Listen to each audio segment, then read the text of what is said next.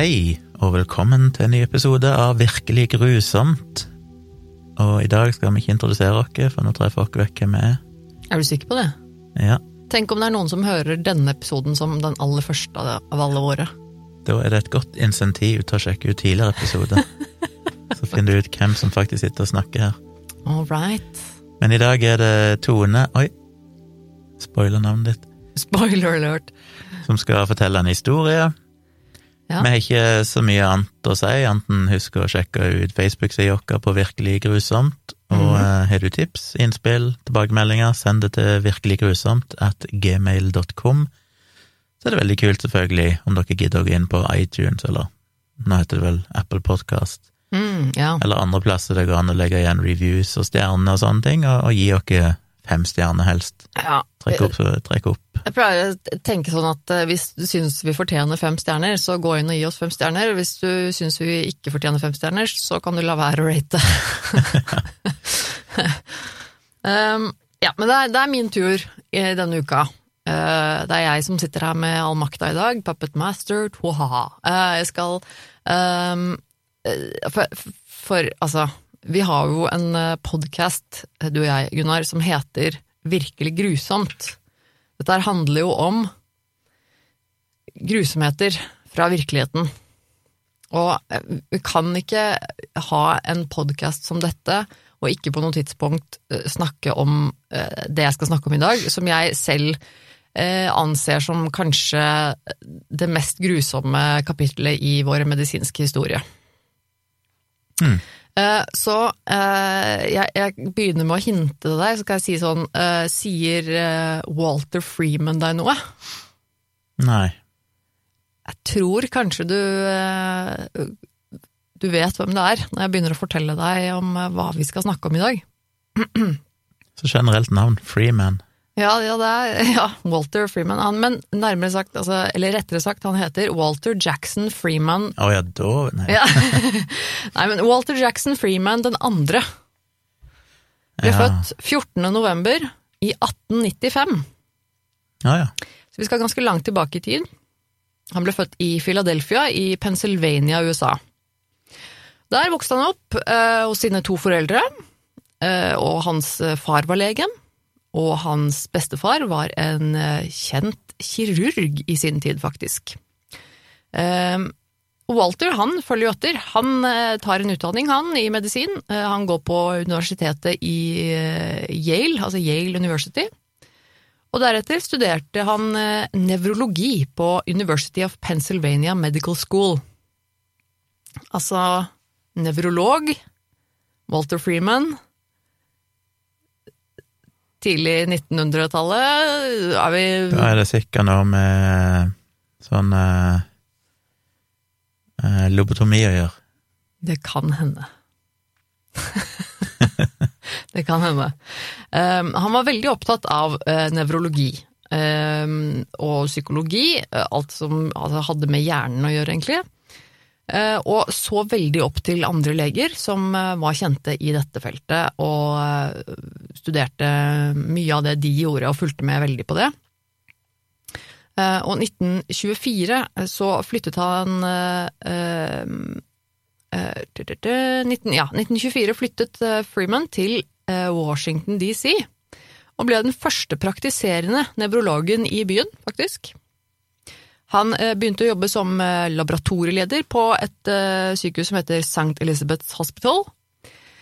Og ehm, etter å ha vitnet da, disse pasientene der, eh, deres eh, smerter og elendighet, eh, fordi de hadde det jo ikke så veldig bra, disse pasientene. De, hadde, de ble ikke så bra eh, behandlet eh, på disse pasientene som var psykisk syke og slet med sine ting. De, de var rett og slett de, hadde ikke så mye penger å gi dem på mat og sånne ting, og de var veldig ofte altså, hva heter det, altfor mange. Altså altfor mange pasienter, og det var et lite øh, Hva heter det for, øh, Bemanning. Bemanning. Bemanning, takk. Eh, Så det var eh, litt sånn kjipe forhold, eh, og dette her gjorde at eh, eh, Walter Freeman fikk lyst til å utvikle nye og bedre behandlingsmetoder. Han fikk lyst til å, å utdanne seg videre og, og liksom gå videre inn i dette og finne noen løsninger her. Så han tok en doktorgrad i nevropatologi, og eh, fikk deretter en lederstilling på George eh, Washington universitetssykehus.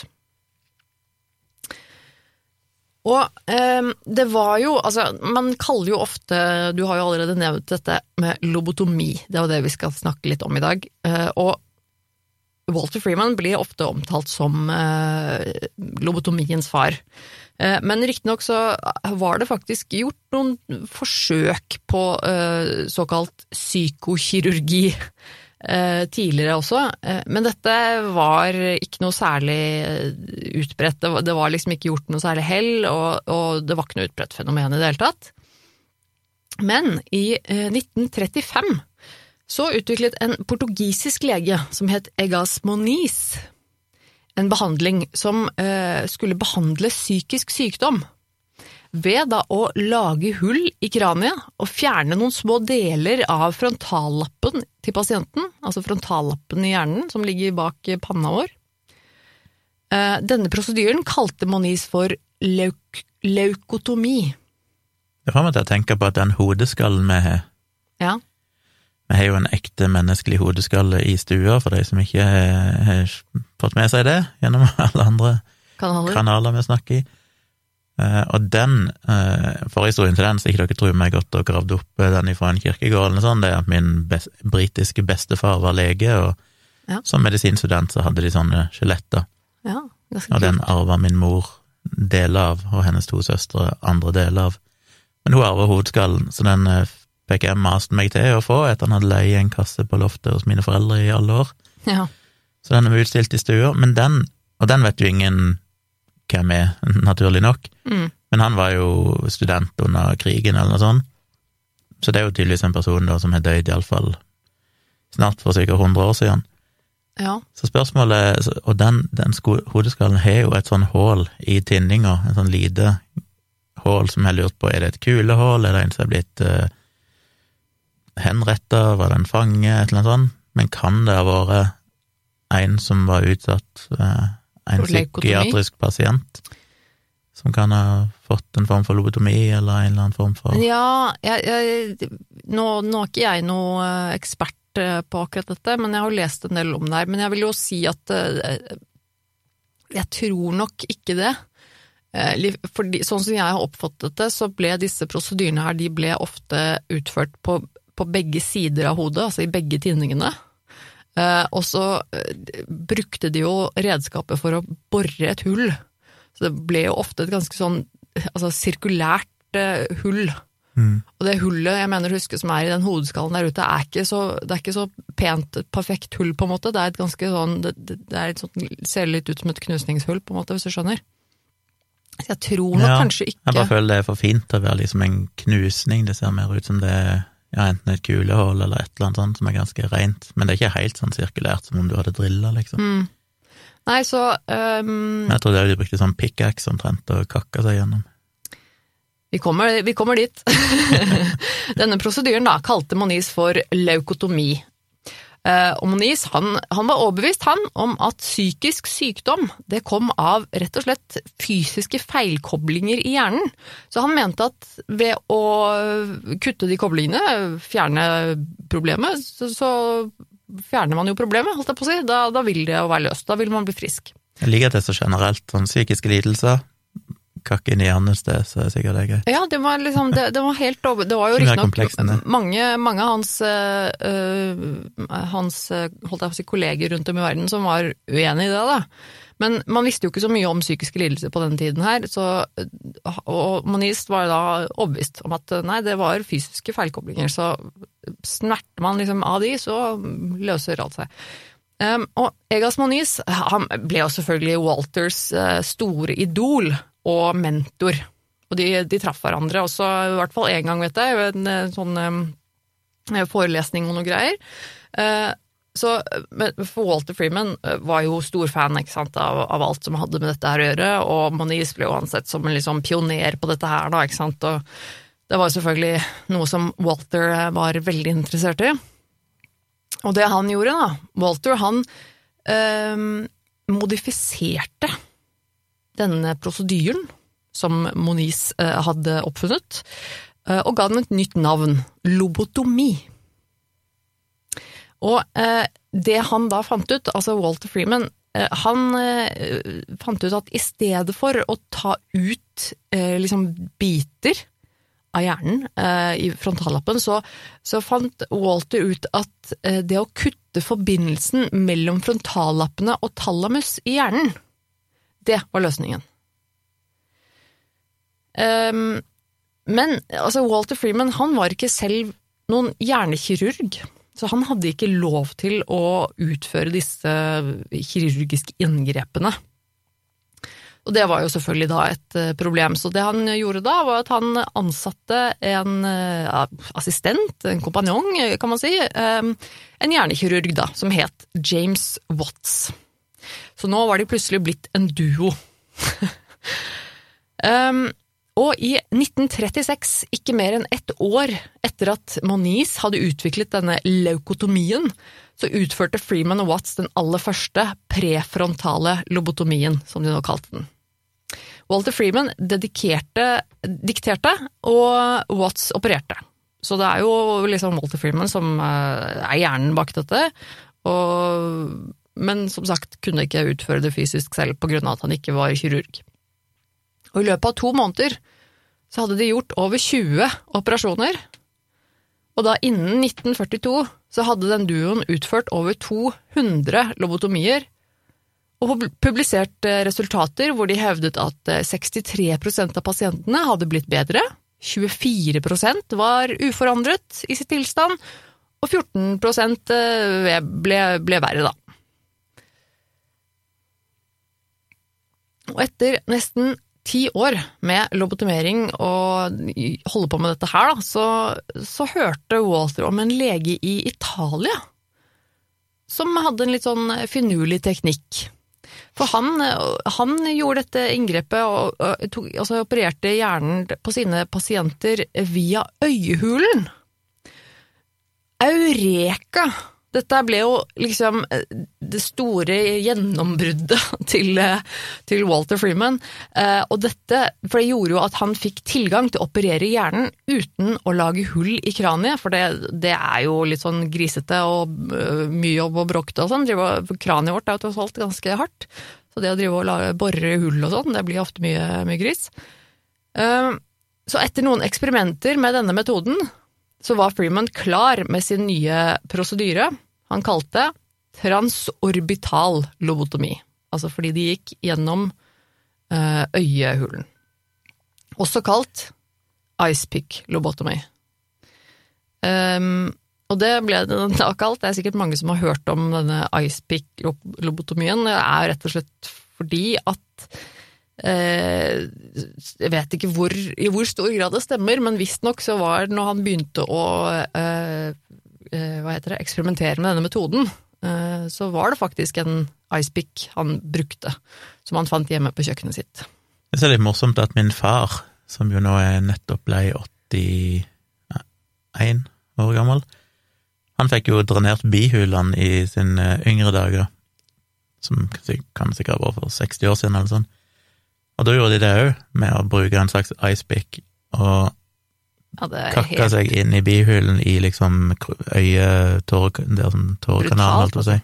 Han er jo fortsatt et lite arr der, men det er sånn eh, Tenk om han egentlig ble lobotomert? Det, det, det tviler jeg på. Far din er ganske oppegående, så det, det tror jeg ikke. Um, og det de gjør da, det er jo da som du litt beskriver, da, at de tok en, en metallsyl som de stikker da inn i indre hjørne av øyehulen, eh, bakover inn i hodet eh, og inn i hjernen gjennom et, eh, det tynne laget av bein da, som ligger inni øyehulen. Han, altså de banket seg gjennom det med en hammer. Mm. For det, eh, det, beinet som er på innsiden av øyehulen vår, er mye mye tynnere enn det som er rundt utenpå kraniet. Så dette var jo selvfølgelig mye lettere. Um, og så, eh, etter at han hadde liksom banket denne noen centimeter opp i hjernen, så uh, liksom svinge den litt sånn fram og tilbake for å da kutte forbindelsen til, prefrontal, til prefrontal cortex i frontallappen, da. Og det gjentas da på begge sider. Um, og det som var da så genialt med dette eh, inngrepet, ifølge eh, Walter Freeman, var jo at han ikke måtte være kirurg for å utføre den. Og i tillegg kunne den da utføres utenfor et operasjonsrom og uten å legge pasienten i narkose. Dette her var jo perfekt. Nå kan jo Walter Freeman da gjøre dette helt selv, og lære andre å gjøre det samme.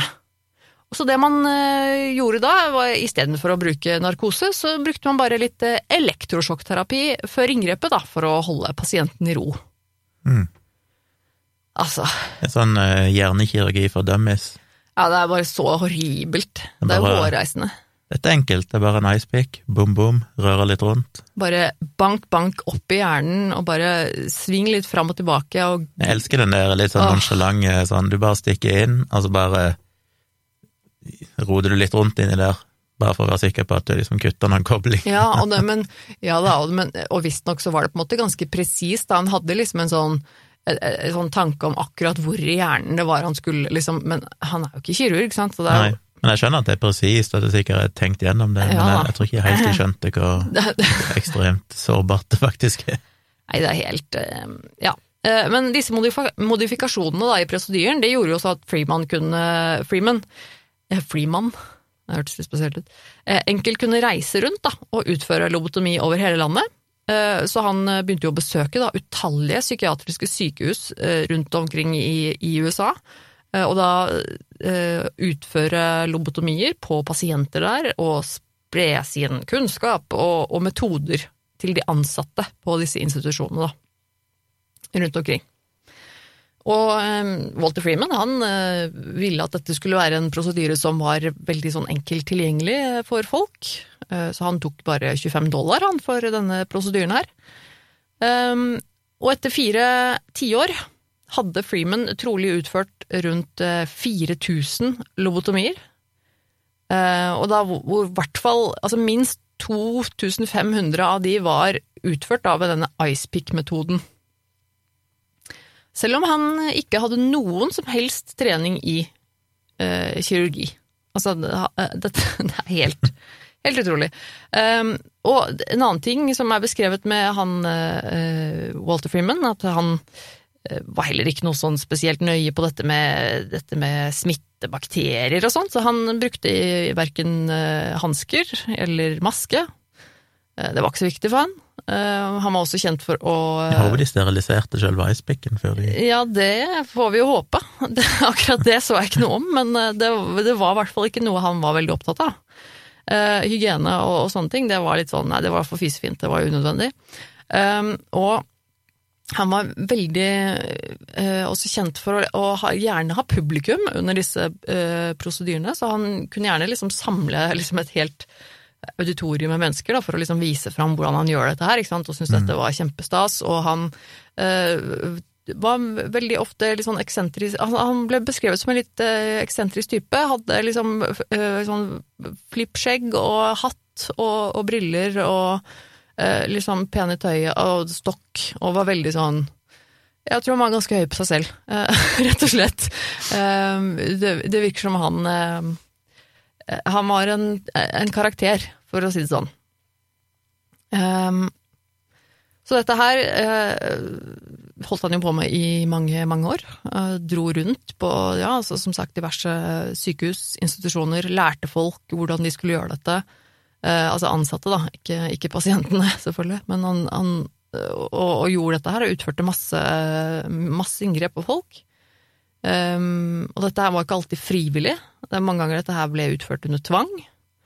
Uh, så Pasientene hadde rett og slett ikke noe valg. Det er jo helt åh, jeg, um, Hans aller siste lobotomi uh, utførte han i 1967. Og det var en, uh, en fast pasient av han.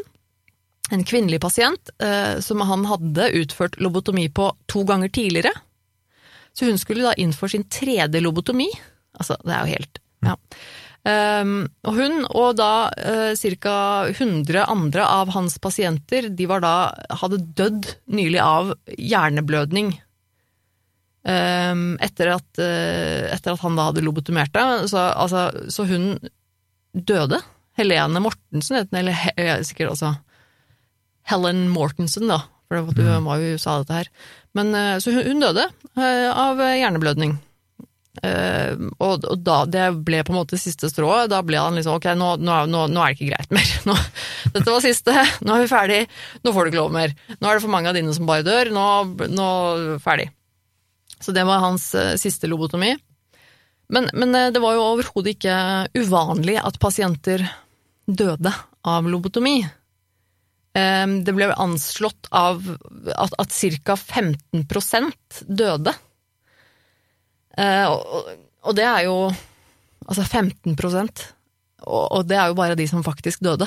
Mm. Eh, men det var jo noe som faktisk var enda mer vanlig, da, var jo at pasienter eh, som hadde fått utført lobotomi, de måtte jo ofte gjenopplæres i hvordan de skulle spise og gå på do.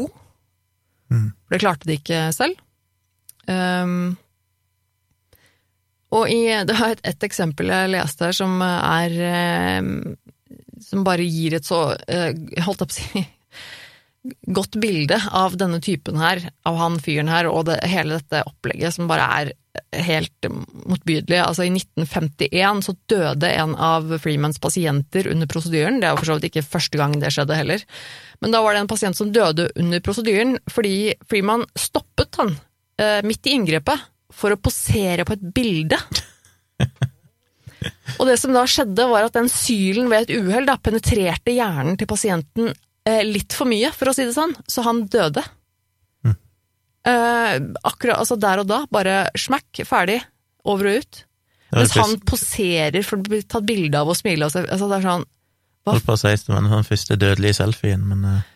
Ja, altså, men det er, det er så motbydelig, da, på så mange måter. Altså, han stakkars pasienten som ligger der, da, som, som har bare blitt slått ut fordi at han har sikkert fått litt elektrosjokk gjennom hjernen sin, og så Eh, så han skal ligge stille, og så banker det inn en syl inn i hjernen hans og roter litt rundt, og så Oi, ja, ja, noen som tar bilde av meg, ja. Ja, ja, ja. Et øyeblikk, snur seg rundt og bare står der og gliser til kamera blant alle de sikkert 50-100 menneskene som står der og ser på, eller et eller annet, og så bare ups.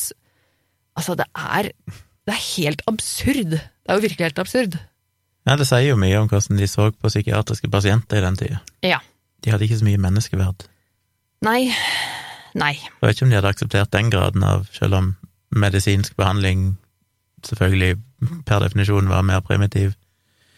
I den tida så vet jeg ikke om de hadde akseptert 15% dødelighet på nei, nei, nei, andre typer behandling. Ikke, ikke det hele tatt. Det, øh, men, men, som sagt, det her var jo dessverre forholdsvis utbredt. Um, det ble utbredt en metode for å behandle psykiske sykdommer på 40- og 50-tallet i Vesten. Eh, og det var til tross for at det var kjent at det ofte oppsto komplikasjoner og alvorlige bivirkninger for pasientene. Eh, som regel ble pasienter eh, rett etter lobotomien de ble helt altså, fordummet. De, de, de ba på en måte helt sånn Altså Mye av personligheten sitter jo ja, altså, frontallappen. Altså, de ble forvirret og in, inkontinente, da. Så de ofte mm. altså, klarte ikke å styre tiss og bæsj, liksom. Mm. Um, noen uh, hadde visst utviklet en enorm appetitt, så de bare, spiste og spiste. Uh, klarte ikke å slutte å spise og la på seg masse, ikke sant. Um, og det var også ganske vanlig å få epileptiske anfall. Um, og det generelle Som er litt morsomt, ja, det er en av de tingene der den type inngrep faktisk kan ha en effekt. Ja. Kutte deler de to hjernehalvdelene hvis du lider av veldig alvorlig epileptisk anfall. Og um, det generelle resultatet da, for pasientene, det var at eh, spontanitet, respons, selvkontroll og selvbevissthet ble redusert. De ble trege, emosjonelt avstumpet og generelt bare lite intelligente. Altså, de ble helt sånn som en zombie, liksom. Altså, det er helt, helt sinnssykt. Um, og resultatene ble sett på som ganske varierende. Eh, for- noen døde jo, eh, enten med en gang eller rett etterpå av komplikasjoner, men det var også en del som tok livet av seg etterpå. Um, Noen fikk eh, alvorlige hjerneskader og rett og slett ble mm, på en måte nærmest sånn vegetabilsk tilstand etterpå, altså var helt, helt borte. Og noen ble faktisk etter hvert bedre og bra nok til å kunne forlate sykehuset. Eller de ble lettere å ha med å gjøre på sykehuset. Som er et eh, veldig viktig, eh, veldig viktig greie med dette, denne lobotomeringen. Eh, Noen få klarte å tilbakevende til arbeid, men de fleste havnet et sted i midten, da. Hvor noen av deres symptomer kanskje ble lettet, men da at de fikk intellektuelle eller emosjonelle permanente skader, da. Walter Freeman pleide å beskrive resultatene av lobotomi som surgically induced childhood. Eh, At pasientene fikk et infantil, eh, infantil personlighet, eh, og mente da at de etter en periode med modning så skulle de bli bedre. I et, og i et skriftlig notat så hadde Freeman beskrevet en 29 år gammel kvinne etter lobotomi hadde han beskrevet det som en smilende, lat og tilfreds pasient med personligheten til en østers. Hun kunne ikke huske navnet til Freeman, og endeløst helte hun kaffe fra en tom kanne. Mm. Altså, så Det hun, er så er så fascinerende var når, de snakker om hvor mange prosent som ble bedre, eller liksom, hvor effektiv den behandlingen var, så var det jo ikke hvor mange av pasientene fikk det bedre, Nei. men det var hvor mange av pasientene ble Lettere mindre problematiske. Ja. Og hennes, eh, da hennes foreldre da, til denne 29 år gamle pasienten til Freeman eh, hadde problemer med å takle oppførselen hennes, så hadde Freeman foreslått en eh, belønning og straffsystem da, med iskrem eller dasking. Mm. Så rett og slett bare behandle henne som, et, som en hund, egentlig. Altså sånn. Og hun ble som et barn, hun klarte seg ikke selv i det hele tatt. Um, og det er jo også noe med det med det synet på eh, psykisk sykdom på den tiden. Ikke bare det at de um, Det var jo også den holdningen i samfunnet med at du var, du var mindre verdt, du var måte du var et ødelagt menneske, eller du var eh, altså Det var en sånn holdning på at du, du skulle stues vekk, og det var en sånn veldig sånn skam. ikke sant? Hadde du noen i familien din som, som hadde en eller annen form for sykdom psykisk, så, så var det skammelig, og det, da, måtte du, liksom, da skulle du gjemmes bort. Da. Og det var jo derfor veldig mange også stuet vekk familiemedlemmer i, på disse sykehusene, som på 40-50-tallet også ble veldig, veldig fulle. Eh, og de hadde ikke noe Altså På den tiden så hadde de ikke noen annen løsning. Da. Det fantes ikke noen gode metoder for å behandle dette. Det var ikke kommet noen medisiner eh, enda på den tiden. Og så når da, da kommer noen leger da, som sier at «Ei, vi har en radikal, skikkelig bra måte vi kan behandle disse pasientene på, så var jo det ofte den eneste løsningen som folk så. da. Så og det, det var jo mye av grunnen til at da mange familier liksom sa at ok, la, la det, vi lar deg gjøre dette her på vår eh, et eller annet, ikke sant? vår datter, sønn, eh, søster, mor, et eller annet. Eh, fordi at de kanskje hadde ikke noe annet valg. De klarer ikke å ta vare på vedkommende, de liker ikke å se at den personen er syk, og de vil jo gjerne selvfølgelig hjelpe med noe, så ja, ok, hva skal du gjøre da? Nei, det er det som er. Tenk hvor herlig det hadde vært hvis det faktisk fantes en god behandling på den måten. En sånn konkret inngrep ja, du kunne gjøre. for det gjør jo ikke det. Men det det som vi gjør det der med kritisere, jeg mener ikke, jeg ler litt selvfølgelig av at de bruker nicepick og rundt i hjernen og sånn. Selvfølgelig skjønner jeg at jeg hadde ikke visst bedre, jeg heller hadde bodd i den tida. Det, det var den kunnskapen de hadde. Ja, man kan jo også, vi kan jo le av det på en måte nå fordi det er så absurd, ikke sant, men det er jo Men jeg tenker jo at jo, det var sikkert mye ego oppi det og sånn, og prestisje og alt mulig sånn, men jeg håper jo, og, tror vel på en måte òg, at det var godt meint. At på en måte så er det jo revolusjonerende at kanskje psykiatriske pasienter som tidligere alltid bare hadde blitt stua vekk, nå det var faktisk noen som ønska å gjøre noe med det. Altså her er det faktisk et behandlingstilbud. Men det som er litt trist også med hele greia, det er jo at eh, det generelt eh, var ikke på en måte ansett som en, som en måte å, å hjelpe dem. Nei. Det var en måte de skulle, man skulle hjelpe seg selv? For, at, for at familien skulle ha en, en pasient som var lettere å ta vare på, for at sykehuset skulle ha en pasient som var eh, kjekkere å ha med å gjøre.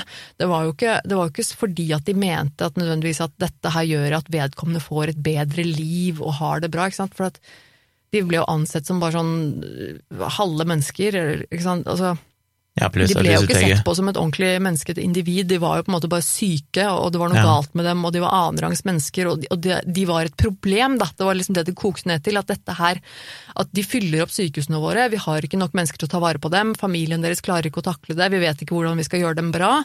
Eh, De, er, de, de ble et problem, ikke sant. Det var sånn, hvordan skal vi løse dette problemet for oss, ikke for å gjøre livene deres bedre.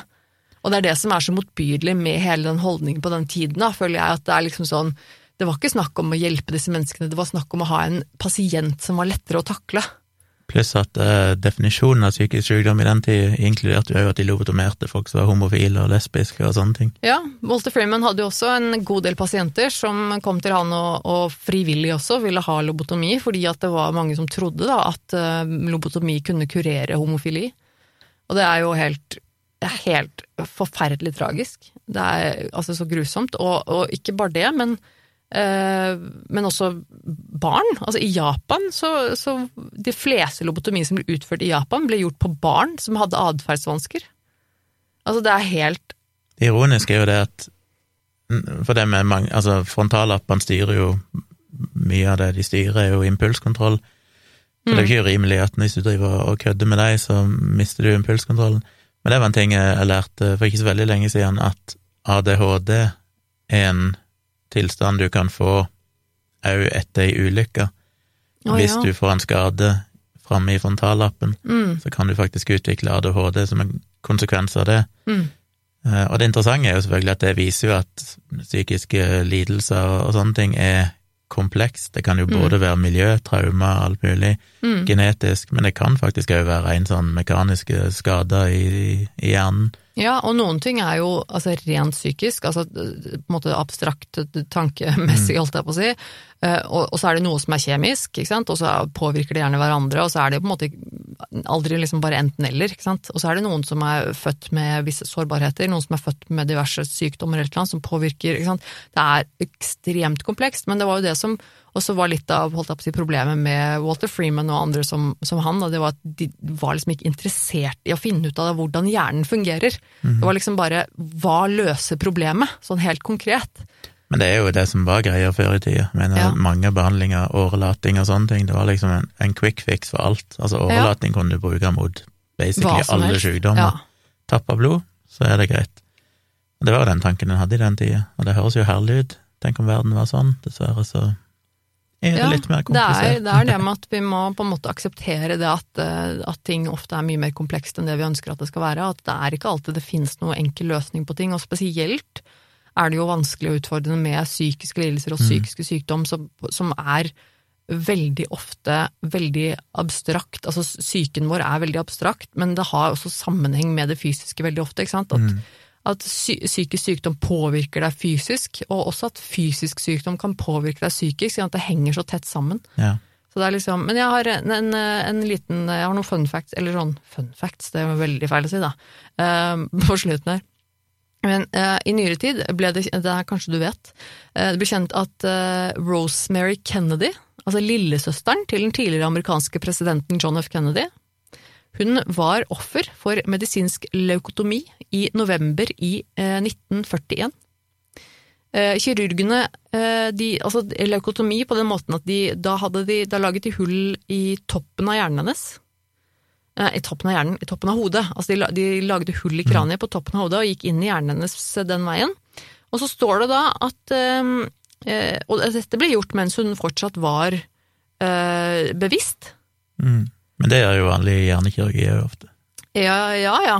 Eh, Men eh, da kirurgene hadde da stoppet å kutte hjernen til Rosemary, eh, da hun sluttet å snakke sammenhengende og ikke lenger var i stand til å svare på spørsmål. Um, og da vil jeg også påstå at da er det på høy tid å stoppe, for å si det sånn. Og selv om inngrepet da gjorde henne rolig, så resulterte det jo også at hun da ikke lenger kunne gå, snakke eller kommunisere. Så hun satt jo faktisk i eh, en sånn nærmest vegetabil tilstand i en rullestol resten av livet sitt på, på sykehus. Altså søsteren til John F. Kennedy. Mm. Det er jo helt ja, det er helt ubegripelig, altså. Og så bare leste jeg litt sånn uh, En annen ting som jeg også syns er ganske interessant, det er uh, liksom uh, Altså mangfoldet. Hva heter det?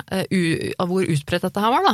Eh, I USA så anslår de at det var ca. 40 000 lobotomier som ble utført.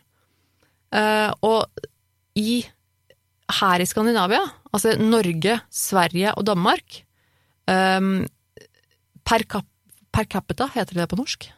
Ja, per capita. Per capita var det altså 2,5 ganger høyere her i Norge, Sverige og Danmark enn i USA.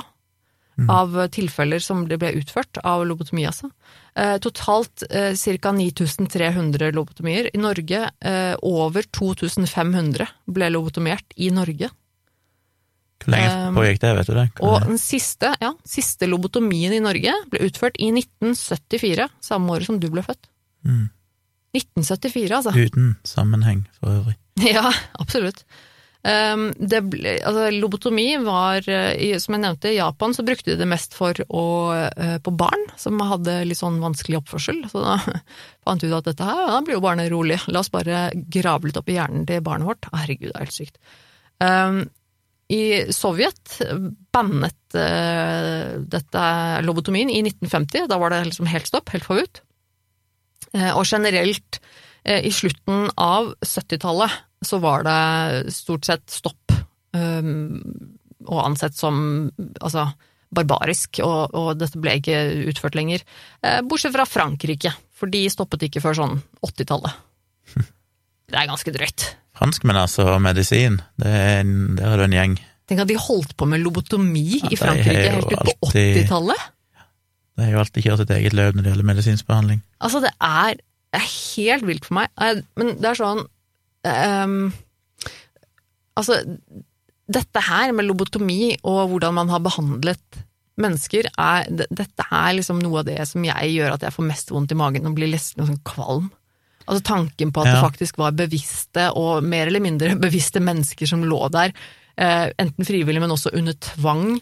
Ja, det er den tvangsdelen som er dette her. ille. Jeg mener, det var mye mm, forferdelige medisinske behandlinger, men ofte var det bare fordi de ikke visste bedre, og det var under frivillig, og folk trodde at det hjalp.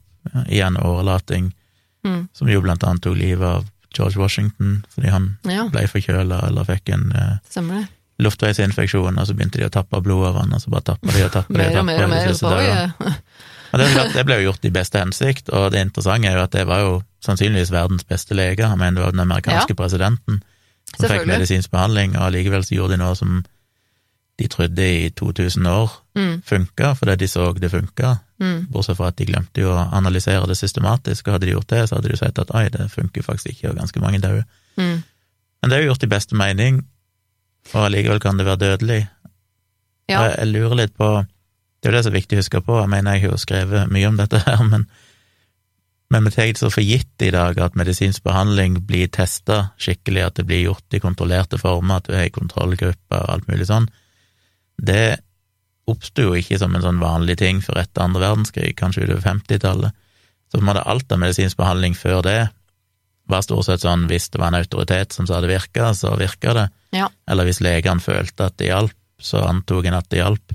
Og det er jo nettopp sånne ting som gjør at den type behandlinger kunne bli så utbredt, for det var hvis, hvis en autoritet, eller hvis bare folk følte at dette funka, så var det jo ingen som faktisk hadde noen kontrollgruppe, eller sjekka data, eller telta, så ja, hjelper det egentlig? Ja. Ja, men, men det som jeg føler som er ekstra på en måte ekkelt med dette her, er jo den, den, den slags Altså den følelsen av desperasjon i det, og det at dette her er- var på en måte så skammelig, ikke sant. Dette er, det, fordi at det, en ting er på en måte årelating og sånn, det var jo på en måte ansett som noe som funka, ikke sant. Og det var noe du var åpen om, og det gjorde man på hva som helst og hvem som helst, og ikke sant? til og med George Washington videre. Men for eksempel dette med, med Rosemary Kennedy, da, det var jo kjempeskam for familien, og dette var jo noe som de holdt hemmelig. ikke sant? Det var ingen som skulle vite at de hadde gjort dette med henne. Eh, ikke fordi at de var skammet seg over å ha gjort det mot henne, men, men fordi at de ville ikke at folk skulle vite at de hadde en sånn syk person ikke sant, i familien. i gåsøgne, da. Det er, den, det er det jeg syns er så grusomt med dette her, det er hvordan de behandler disse menneskene som at det er mindreverdige mennesker. At, Ja. du, at, at de på en måte blir påtvunget en så barbarisk behandling, da. Ja, det er jo sikkert mye knyttet opp mot eh, religion og overtro. Jeg mener psykisk sykdom var jo ofte ansett som at du var besatt av onde eller djevelen og sånn, så det var jo Ja, det kom jo ofte ekstra skammelig på grunn av det. Du Ja, var liksom et dårlig menneske. Ja, hvis du kikker liksom lenger tilbake i tid, så drev de også på med dette og, og lagde hull i, i skallen til folk som var psykisk syke fordi Men det at de mente sånn at det hodes- skulle Ja, du ser det på hodeskaller tusenvis av år bak i tid, så er det Ja. funnet tegn på at de liksom Ja, fordi de mente at da, da skulle slippe fri de onde Mm. åndene som levde i hodet på folk, ikke sant. At da, da vil du på en måte slippe fri de Ja. Men det er liksom med årelating og andre ting, så er det sannsynligvis ikke Altså, ok, en del døde jo, sannsynligvis, og tipper de fleste ble bare ikke bedre, og de ble kanskje dårligere en periode, men det er noe spesielt når det er hjernen. Ja. For det er liksom å kødde med hjernen ja. er jo å kødde med den du er. Og så er det så tydelig òg. Det er liksom ikke sånn at de det, det, er, det, er, det er bare helt åpenbart og så tydelig og så opplest og vedtatt at disse menneskene her, de kommer ut av det og er annerledes. Altså Uansett om de dør eller overlever eller ikke, så kommer de ikke ut på andre siden av en lobotomi og er det samme mennesket. Altså Det er på en måte nærmest utelukkende at du blir, altså, du blir fysisk ødelagt i hjernen. ikke sant? Altså Det er helt og så selve selvfølgelig inngrepet sånn rent fysisk også får meg helt til å få vondt i magen, men det er også bare det at liksom At, at mennesker med, med psykiske lidelser da ble liksom et, et problem som skulle løses, og at det var den, den, bare den holdningen om at, eh, om at de visste at mange av dem døde, de visste at mange av dem kom til å bli eh, liksom uten stand til å ta vare på seg selv. De kunne ikke altså de måtte lære seg på nytt å spise eller gå på do, eller de, noen kunne ikke snakke eller gå. Og likevel så var det sånn, jo, men dette gjør vi, fordi at hun blir så mye enklere å ha med å gjøre etterpå. Det er liksom noe med, det er bare så det, gjør, det er så vondt i meg at, at du kan behandle folk på den måten, og på en måte ta fra dem menneskeligheten i så høy grad at liksom, nei, men dette mennesket her, hun, hun eller han er så sjuk, og hun er så suicidal og voldelig, og nei, det orker vi ikke å ha med å gjøre, det blir bare problemer. Ja, ok, men utfør lobotomi, ja ja, så blir hun i hvert fall som et lite barn etterpå, det blir mye lettere å ha med å gjøre. Men det verste av alt er jo at alle de tingene vi kritiserer, til en viss grad eksisterer ennå. Jeg mener Ja. både holdninger til psykisk sykdom, hvordan folk opplever det, klart det er fortsatt knyttet til skam i familier, Mm. Og, og den som lider av det sjøl, selvfølgelig. Tross alt selvfølgelig mye bedre nå, men jo, absolutt er det jo fortsatt noe Og det er jo fortsatt en balanse med ADHD, for eksempel, ikke sant. Mm. tid behandler du noen med ADHD bare fordi det skal være lettere for omgivelsene, og hvor går grensa for at du faktisk gjør det bedre? Jeg er jo pro medisinering av ADHD, Mm. fordi jeg har sett sjøl, og det er jo gode data på at det faktisk virker, men Ja. det kan nok helt garantert overforbrukes. Ja, ja. Og, det, og det er jo Det er mange kjente historier opp gjennom historien med folk som alltid får han duden som eh, var en vanlig person, og etter hvert begynte å utvikle en sånn merkelig litt sånn aggresjon og manglende impulskontroll, og så begynte han å lang historie kort, da, etter hvert begynte han liksom å søke, dette var på 80- eller 90-tallet, begynte å søke etter barneporno og sånn på nettet, Mm. og ble tatt for det, og skulle til å bli dømt, og så plutselig så fant de at han hadde en svær hjernesvulst her framme i frontallappen. Ja, Og så opererte de vekk den hjernesvulsten, og så forsvant all interesse for Wow. diverse, ja, ikke bare overgrepsmateriale, men òg andre typer, Aggresjon og ja, bare sånn ja. generelt drøy porno og sånn. Ja, det er ganske spesielt, Men så altså. gikk det noen måneder, og så begynte han igjen å utvikle en interesse for de her tingene, og så sjekka de han, og jo da, der hadde de begynt å vokse svulst på nytt. Ja. Så fjerner de svulsten, og så blir han holdt på å si normal igjen. Og den kjente historien, jeg husker ikke navnet på han, men han duden som eh, jobba på jernbanen, og så eksploderte det noe dynamitt eller noe sånt, og så ble en sånn metallpåle skutt opp i skallen på han, og inn i panna eller inn i tinningen eller sånn. Og den ble tatt ut, og han overlevde, men så endra han jo radikalt personlighet Mm. etterpå. Ja, det er mange sånne kjente historier om Ja. akkurat det. Så det, og det er ofte frontallappen, ikke sant? Mm. For det er der du har impulskontroll. Personlighet er og så mye sitter der. Ja. Eh, Så det er klart, sånn sett så, Temperament, liksom. så var de nok inne på noe, holdt jeg på å si, teoretisk sett, at det var, skulle du gjøre noe? Altså, de må, ha- Ja. de må ha skjønt et eller annet på det allerede da, siden de gjorde det framme, og ikke bare sånn nei, vi kan ikke inn i bak. Mm. Da hadde vel folk blitt blinde, men, men eh, Så det et eller annet var de jo inne på. Problemet er vel bare at de overgeneraliserte så til de grader både psykisk sykdom og gjorde det i stor grad av feil, med feil hensikter. Ja. Og jeg tenker jo men, på alle de der japanske ungene som hadde problematisk atferd når du roder i frontallappen, som da kan egentlig sannsynligvis, ja, som du sa, førte til manglende impulskontroll, som i stor grad er kanskje ADHD på en måte. Hvor mange unger de kanskje da påførte Ja, ADHD verre. heller Ja, enn å egentlig helbrede de for noen ting. Nei, men det er, det er jo selvfølgelig altså, Og denne, denne prosedyren her, altså lobotomi, var jo ikke Den var kontroversiell også på den tiden. Det var jo selvfølgelig mange også som mente at dette bør ikke kanskje gjøres, og det var jo hele tiden også litt sånn spesielt også på grunn av da, at den balansen mellom risiko og, og virkning også på en måte var litt sånn Er dette egentlig så, så bra, på en måte? Så det er klart at det, heldigvis, holdt jeg på å si, så var det jo også en god del tilbake på den tiden som, som motsatt seg disse type ting. Og også han, eh, James Watts, han som eh, hjernekirurgen som, eh, som Walter Freeman jobbet sammen med en periode. Han også motsatte seg etter hvert dette her, og, og de, de gikk fra hverandre, holdt jeg på å si.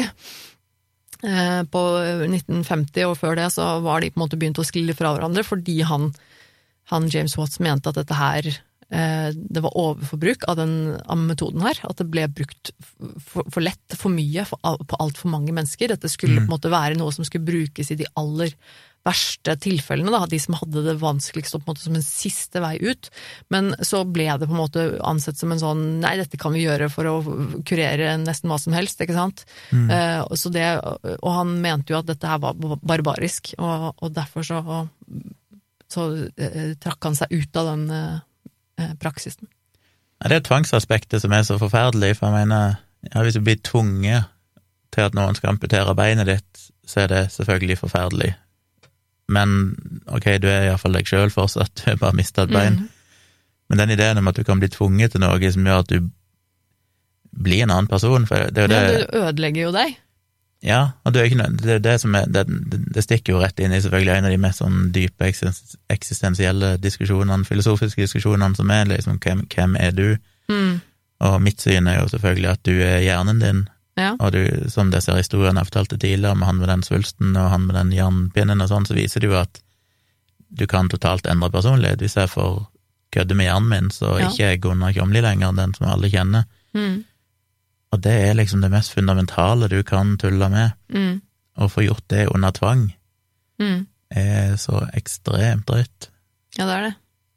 Og jeg som øh, Og det treffer jo meg også spesielt, kanskje, da, men også fordi at jeg stort sett hele mitt liv har hatt mye problemer med psykiske lidelser. Jeg har jo slitt med min syke, øh, og har trengt øh, både behandling og, og medisinering, liksom. Og jeg tenker sånn Det er ganske ekkelt å tenke på, da. Øh, At liksom, det er, ikke, det er tross alt ikke så mange år siden, liksom. Dette er 40-50-tallet. At hvis jeg hadde vært levd på den, levd på den tiden, men altså Mm. Så hadde kanskje det vært meg. Jeg hadde kanskje vært en av de som de hadde tvunget inn på en institusjon og kanskje altså, påført meg en lobotomi mot min vilje for å få meg til å liksom, oppføre meg ordentlig, eller roe meg ned, liksom. Altså folk som, som var suicidale, eller folk som bare som har, hadde temperamentproblemer, folk som hadde også selvfølgelig eh, schizofreni og psykoselidelser, folk som, som, som virkelig sleit, de hadde det helt forferdelig, helt ned til folk som da typ hadde kanskje ADHD, da, eller eh, atferdsproblemer, eller som, eh, som får Altså, og det er jeg, jeg kjenner at det er liksom jeg, jeg blir sånn ordentlig sånn truffet av det, og blir skikkelig forbanna og kvalm av det. At liksom Tenk at man behandlet folk på den måten der. Det er tross alt bedre i dag, heldigvis. Selv om vi fortsatt har en vei å gå, men det, Ja. Men det, nå, er liksom nå er vi liksom innforstått med, i hvert fall her i Norge og, i vårt helsesystem, så er vi på en måte mer eller mindre innforstått med det at psykiske lidelser er er en sykdom, det er noe man ikke kan noe for. Det er noe som eh, ikke er min egen skyld. Og? Det er på en måte noe som kan behandles, og noe man kan bli frisk fra, og noe man eh, Ja, og det er liksom Bare det er så Det virker kanskje selvsagt for oss nå, men ja, nei. Ja. Uh, er det noe mer å si om det? Ja, altså ja, nei, men altså Lobotomi og sånn, det, jeg syns det er kjempespennende, veldig interessant og grusomt. Og det, er sånn, det, og det finnes så mye mer info også om dette her. Ikke sant? Det finnes jo side opp og ned om, om lobotomi og historie og alt mulig. Så, eh, det lever vel fortsatt folk som eh, Det er vel fortsatt folk som lever, som har blitt lobotomert? Så. Ja, det er det nok, ja, ja, ja. Det er jo relativt ferskt, sånn sett. Ja, så, så um, Jeg kunne snakket om det i all evighet, vi skal ikke gjøre det, men, eh, men um, det var i hvert fall Jeg tenker Walter Freeman var han som er på en måte mest, mest kjent av, av, dette her, av disse menneskene som drev med dette. Og um, da har det i hvert fall uh, Og så er det vel laga noen serier og sånn om det? Ja, det var massevis. Hva er det vi begynte å se på, den nye Ratched.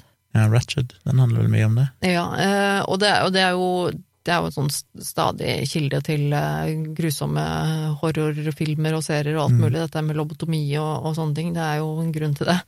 Um, men uh, nei, vi, jeg tenkte jo um, denne grusomhetsskalaen, da. Ja, det var den. du må jo nesten rangere dette her. på Veldig vanskelig, for dette er jo en helt uh, annerledes greie igjen. Ja, men uh, Nei, siden jeg syns det er så vanskelig å vurdere, det skal vi ikke Det er mange ting som spiller inn, selvfølgelig, at her snakker vi jo tross alt om tusenvis på tusenvis av mennesker. Mm, veldig utbredt. Mange, mange mennesker som fikk, eh, som fikk bokstavelig talt livene sine ødelagt. Og det er tvang, og det er alt mulig sånn. Ja. Men jeg vet ikke, jeg får bare hive meg sånn midt på treet og kalle det en femmer. Okay. I mangel av ja, ja. Jeg skjønner det er vanskelig. For, for meg så, så, hadde jeg For meg så går den høyere, da. Mm. Jeg, for, jeg, altså dette her er liksom noe av det verste jeg kan tenke meg, at det blir sånn systemisk gjort, sånne inngrep mot folk. At det er bare så barbarisk. Eh, og det er bare noe ekstra ekkelt med at det på en måte er eh, Ja, systematisert på den måten.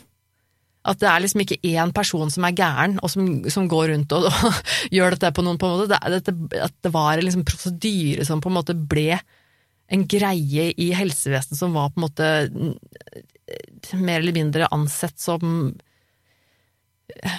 Nei, det, jeg syns det er det som er litt ekkelt òg. At det mm. var på en måte dette her var innafor, da. Det blir jo staten mot enkeltmennesker, det er jo alltid noe det mest kommende. Det er et så hårreisende inngripen å gjøre på folk, og liksom, mm. det er på en måte, det er så barbarisk. Og, også i såpass ny tid, på en måte, da. Ja. Eh, så for, altså for, og, nei, for meg så, så er dette liksom mer sånn opp på åtte, liksom. Men uh, men hvis dere har tanker om det, så hører vi gjerne ifra dere på virkeliggrusomt at gmail.com hvis dere vil sende en mail. Absolutt. Og som sagt, jeg kunne snakket om dette i evighet, men jeg eh, sjekker gjerne ut eh, Wikipedia-artikler og sånn, og på YouTube også finnes det masse, masse dokumentarer, sånne videoer om dette her, og om eh, både om Walter og om Vi har vel en ja. podkastepisode om det i Nerve? Ja, jeg snakket litt om det i min podkast Nerve, litt med tanke på at jeg med min, syke, eh, med min, historie med psykisk sykdom, da. Eh, mm. I den forbindelse snakket jeg litt om det i min podkast. Det at jeg syns det, det, det, er litt sånn ubehagelig nært, på en måte. Men vi legger jo ved noen uh, linker sånn, regner jeg med, du kan vi, lese mer om det hvis du er interessert. Og så er vi tilbake igjen om ei uke med en ny episode, og da skal jeg finne på et eller annet grusomt. Og vi har fått mange spennende tips i det siste på mailen vår, så jeg eh, skal sjekke litt der om jeg finner noe. Ja, du skal ikke finne på noe, håper jeg. Nei. Tross alt. Og så gleder vi oss jo, vi snakka om det i går, gleder dere litt til pandemien er over, for vi har jo veldig lyst til å prøve å få til et eller annet liveshow Det hadde vært kjempegøy. Men vi får se hva, hvordan ting blir framover. Men hvis dere syns det hadde vært kult, send dere gjerne en mail om det òg. Ja. Så dere kunne tenkt dere å bo i Oslo-området. Ja, det er jo allerede folk som, eh, som eh, ber om eh, fors nyere forsøk på livestream på Facebook og sånn, så liveshow, folkens, kanskje det hadde vært Må kult? selvfølgelig ikke det i Oslo, men hvis vi skal gjøre det, så blir det i Oslo. Hvis noen andre har lyst til å invitere oss og arrangere, så går det an å gjøre det hvor som helst i verden. Mm, ja. Dere bare spør fint, så er sikkert vi veldig villige til å komme og holde en liveopptreden av Virkelig grusomt. ja, det hadde vært gøy. Ja, det vært gøy. Men vi får se når eh, samfunnet åpner opp igjen og alt går tilbake igjen til normalen på et eller annet tidspunkt. I mellomtiden så sitter vi her i studio. Ja, trygt. Isolert. Men takk for at du hørte på. Tusen takk for alle dere som hører på hver uke og følger med. Vi er tilbake igjen